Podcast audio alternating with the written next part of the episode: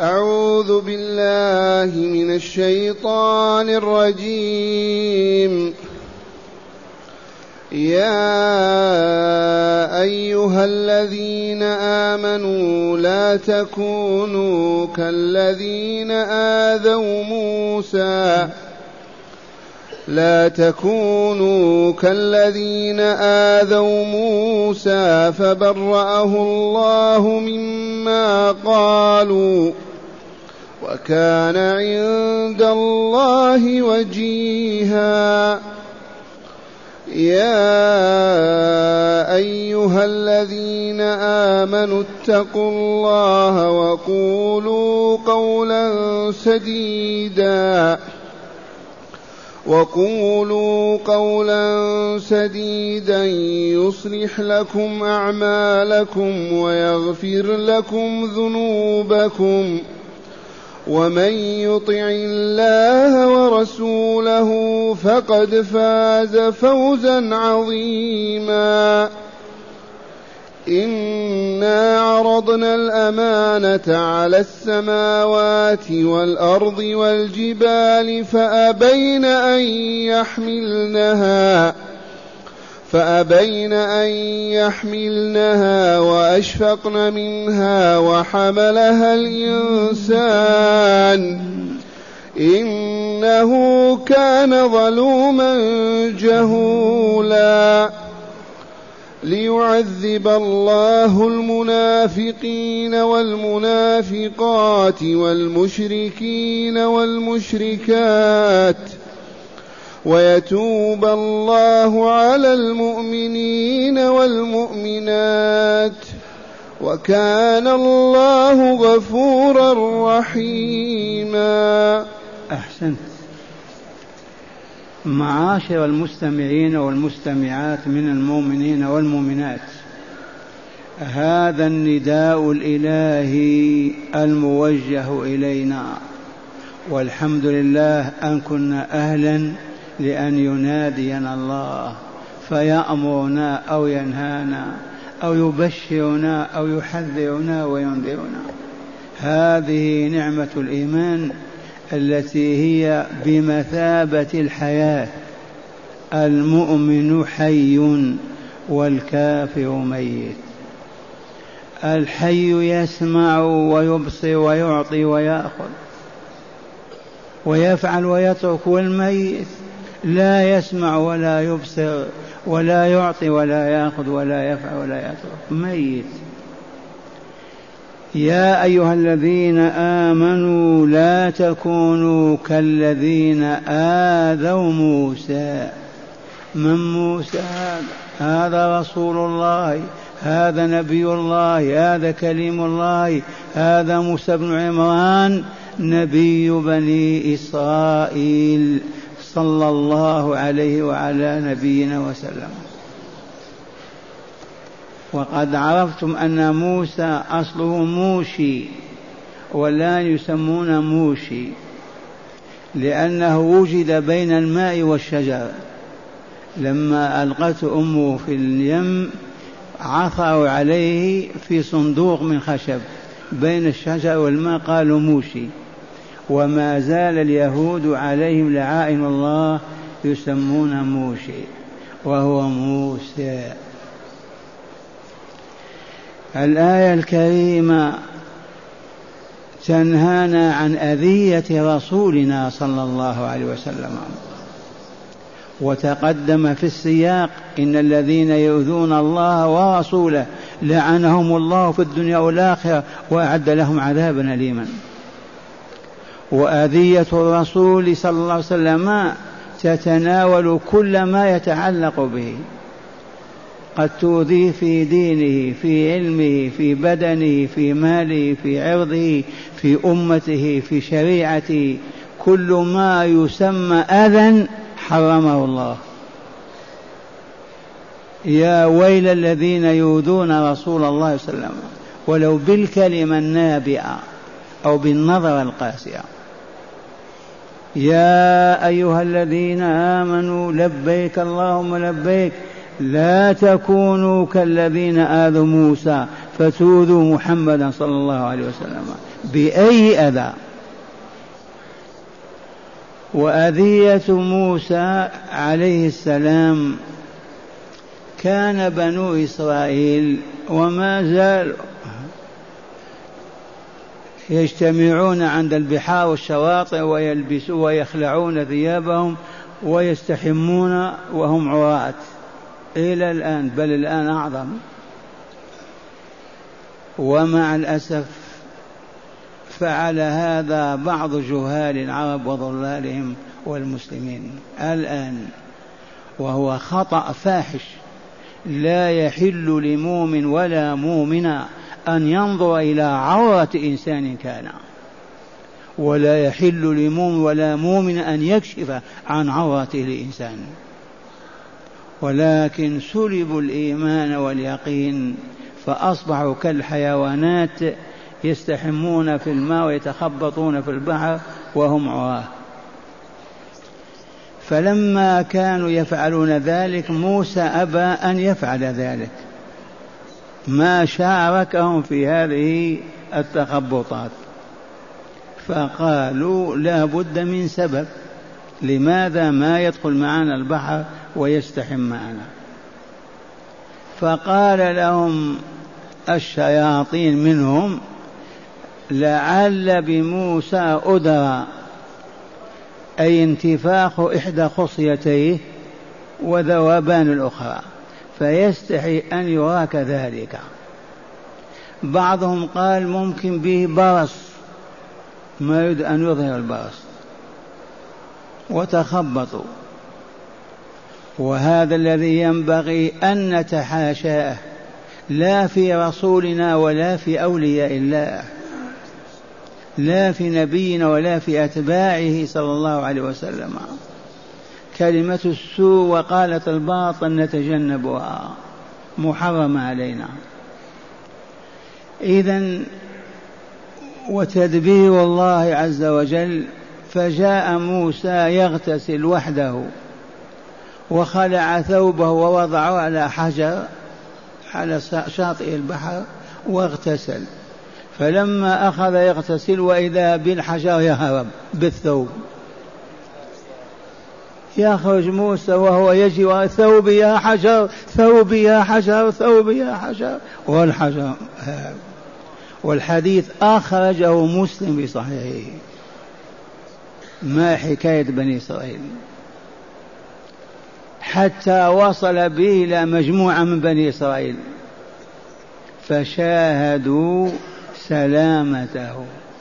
فقالوا ما بأذر ولا بأس.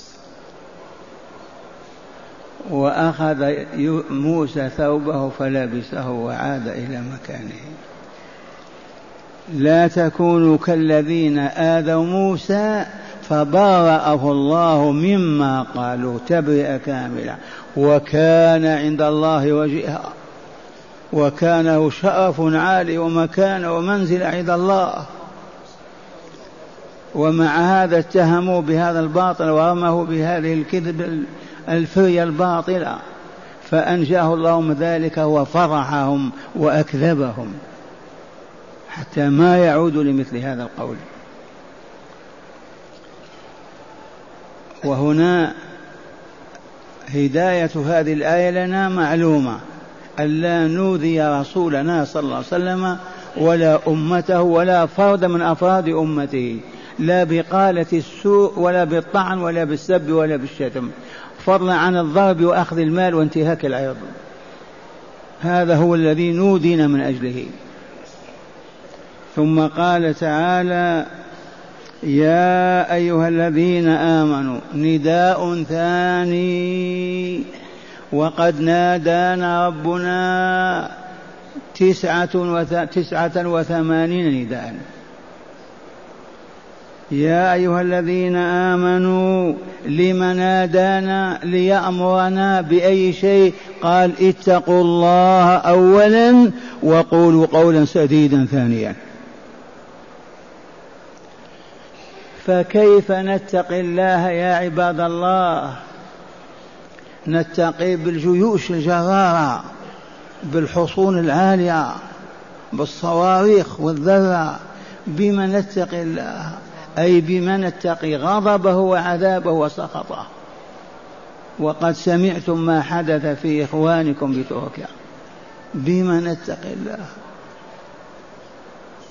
لا يتقى الله عز وجل إلا بطاعته وطاعة رسوله.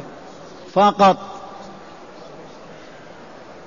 لا يتقى عذاب الله وسخطه إلا بطاعة وطاعة رسوله فقط.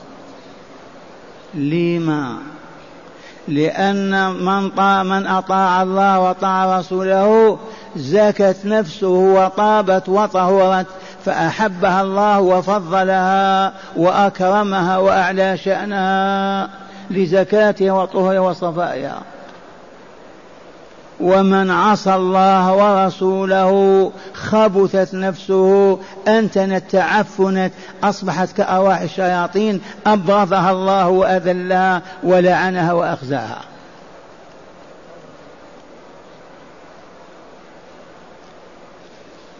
يا أيها الذين آمنوا اتقوا الله. كيف نتقي؟ نعرف محابه. فنفعلها نعرف مكارهه فنتركها. كيف نعرف ذلك؟ بقراءة الكتاب وهدي الرسول بسؤال أهل العلم. أما أن نعيش طول السنة ونحن بعيدين لا نجد في حقك هذه ولا نتناول كتابا بين أيدينا ولا نسأل عالما عما يحب ربنا. كيف نعرف محاب الله ومكاره؟ والله ما نعرف. والذي ما يعرف محاب الله ومكاره كيف يتقيه؟ الاتقاء بما يكون بفعل المحبوب له وإلا لا؟ وترك المكروه له. والذي ما يعرف محبوبا ولا مكروها كيف يتقي؟ والله ما يتقي. ومن هنا عدنا إلى قوله صلى الله عليه وسلم طلب العلم فريضة على كل مسلم. والله يقول فاسألوا أهل الذكر إن كنتم لا تعلمون. كل من لا يعلم محاب الله يجب أن يسعى حتى يعلم. كل من لا يعلم مكاره الله ومساقط يجب أن يسأل حتى يعلم. ولهذا أعطينا ألسنتنا وعقولنا. يا أيها الذين آمنوا اتقوا الله وقولوا قولا سديدا. أمرنا بتقواه وأمرنا بالقول السديد. الصائب الصدق الحق الأديب. حتى ما نلهج بالباطل ونتكلم بالكذب ولا نقول بما يسيء ويفسد. القول الصائب السديد.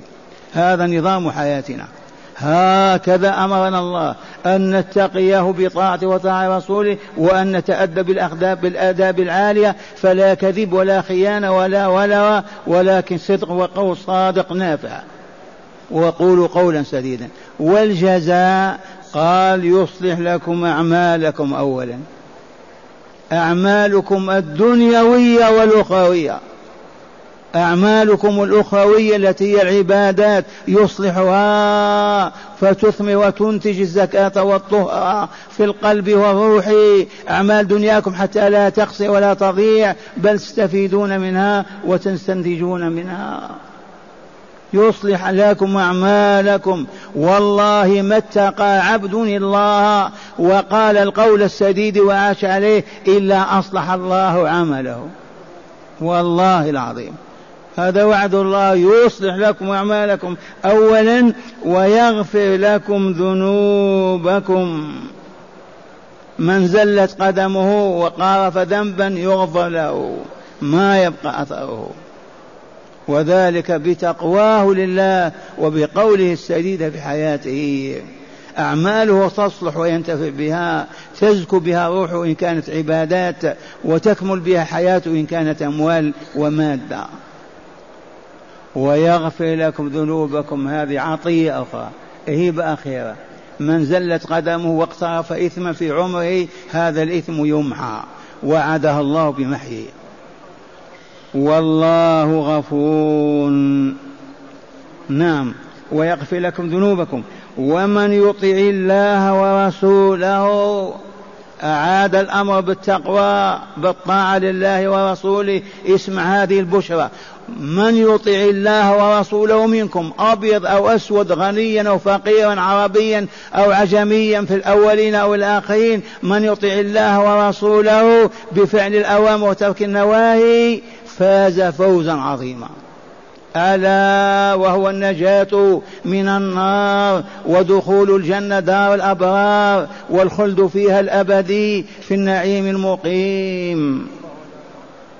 ومن أبيض أو أسود غنيا أو فقيرا عربيا عجيما. ذكر أنثى من يطيع الله ورسوله. قطعا محمدا صلى الله عليه وسلم.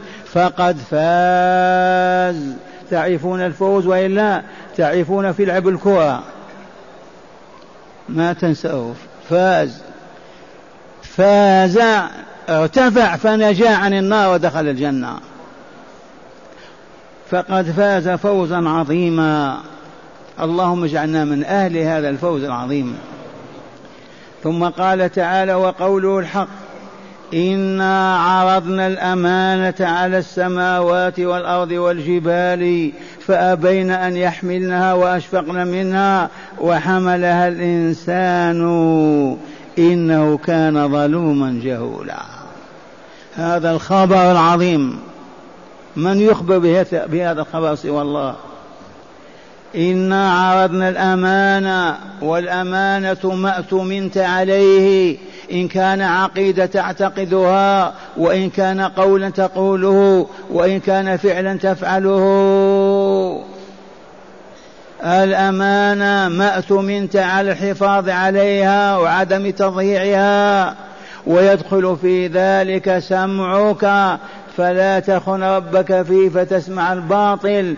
بصرك فلا تنظر به ما حرم الله. فتخون الله. لسانك لا تنطق به بما يغضب الله. فتكون خنت أمانة الله. يدك لا تتناول بها ولا تعطي إلا ما أذن الله. وإلا خنت أمانتك. رجلك لا تمشي بها. وهكذا. وكل التكاليف حتى الغسل من الجنابة من, من الأمانة. هكذا يقول ابن مسعود. إذا هذه الأمانات أولا خلق الله للجبال والسماوات والأرض عقول ونطق واستنطقها فنطقت. عرض على من؟ على السماوات والأرض والجبال تأخذون هذه الأمانة. فإذا أديتموها سعدتم ونجحتم وفزتم وإذا أضعتموها هلكتم وخسرتم. قالوا لا يا ربنا ما نستطيع. كيف استنطق الله السماوات والأرض والجبال؟ وكيف استنطقني أنا؟ حتى تسأل عن الجبال كيف استنطق؟ عرضها عرضا على السماوات والأرض والجبال هل تقبلون هذه وتثابون عليها بالنعيم المقيم؟ قالوا ما نستطيع. وعرضها على آدم بعد ذلك مباشرة. يا آدم أعرض عليك الأمانة. إن أنت قمت بها سعدت وإن أنت أضعتها خسرت. قال رب لا بأس نقبلها. فما هي إلا كما بين صلاة الظهر والعصر حتى قال كلمته وخرج من الجنة. هذا إذا طبعنا نحن بني آدم. ما بين الظهر والعصر وأكل من الشجرة. ما أدى الأمانة كاملة. إذا إنا عرضنا الأمانة على السماوات والأرض والجبال فأبين أن يحملنها ويتحملنها وأشفقن منها خفن منها لأن تبعتها عظيمة. وحملها الإنسان. من هو هذا؟ آدم وأنا وأمي وأنتم. وحملها الإنسان. فمن ضيعها أضاعه الله وخصه دنيا وأخرى. ومن حملها وثبت عليها وأداها كما هي هنيئا له فاز. ويدخل من باب أولى في الأمانة ما يأتمن يأتمنك عليك ما يأتمن أخي ما يأتمنك أخوك عليك. كان يضع في جيبك دينار أو درهم أو كلمة يقول لك لا تقولها لا تحدث بها. هذه كلمة سر بيني وبينكم. إياكم أن تسمعوا. هذا الذي اؤتمنته يضع عندك ماله يضع عندك بنته يضع عندك بستانه حديقته كذا وتقول أنا أمين ويأتمنك. إياك أن تخون. فلهذا لا إيمان لمن لا أمانة له. لا إيمان لمن لا أمانة له. عباد الله إماء الله هيا نكن مؤتمنين. وإنا إن شاء الله لمؤتمنون. لا نفرط أبدا ولا نضيع أمانة الله حتى قطع الأظافر يوم الجمعة. إذا وقال تعالى وحملها الإنسان لماذا إنه كان ظلوما جهولا من طبعه الظلم والجهل من غرائزه. والظلم والجهل والكفر أيضا والهون والدون طبائع كثيرة. إن الإنسان خلق هلوعا إذا مسه الشر جزوعا وإذا مسه الخير منوعا. معاشر المستمعين هذه العيوب أنزل الله تعالى فيها آيات من سورة المعارج. سأل سائل من استعمل تلك العقاقير أو الأدوية الثمانية نجا لا هلع ولا كفر ولا جهل ولا ظلم أبدا. وخلق الإنسان خلق هلوعا إذا مسه الشر جزوعا وإذا مسه الخير وكان الإنسان ظلوما كفورا. إنه وهكذا. وهنا قال ظلوما جهولا. فهذه العيوب الطبيعية المغروزة فيه تعالج. وضع الله تعالى علاجها. إليكم الأرقام التالية. قال تعالى إلا المصلين الذين هم على صلاتهم دائمون. والذين في أموالهم حق معلوم للسائل والمحروم. والذين يصدقون بيوم الدين. والذين هم من عذاب ربهم مشفقون. إن عذاب ربهم غير مأمون. الذين هم لفروجهم حافظون إلا على أزواجهم أو ما ملكت أيمانهم فإنهم غير ملومين. فمن ابتغى وراء ذلك فأولئك هم العادون. والذين هم لأماناتهم وعهدهم راعون. والذين هم بشهاداتهم قائمون. والذين هم على صلاتهم يحافظون. كم رقم هذه؟ ثمانية. والله ما من رجل أو مرأة من المؤمنين يقوم بهذه الأرقام الثمانية إلا انتحى منه كليا. لا ظلم لا كفر لا هج لا فسق لا لا لا ليصبح عبد الله الصالح. يشفى شفاء كاملا. والذي يتورط في هذه الأرقام وما يعملها هو الذي وصفه تعالى بقول ظلوما جهولا.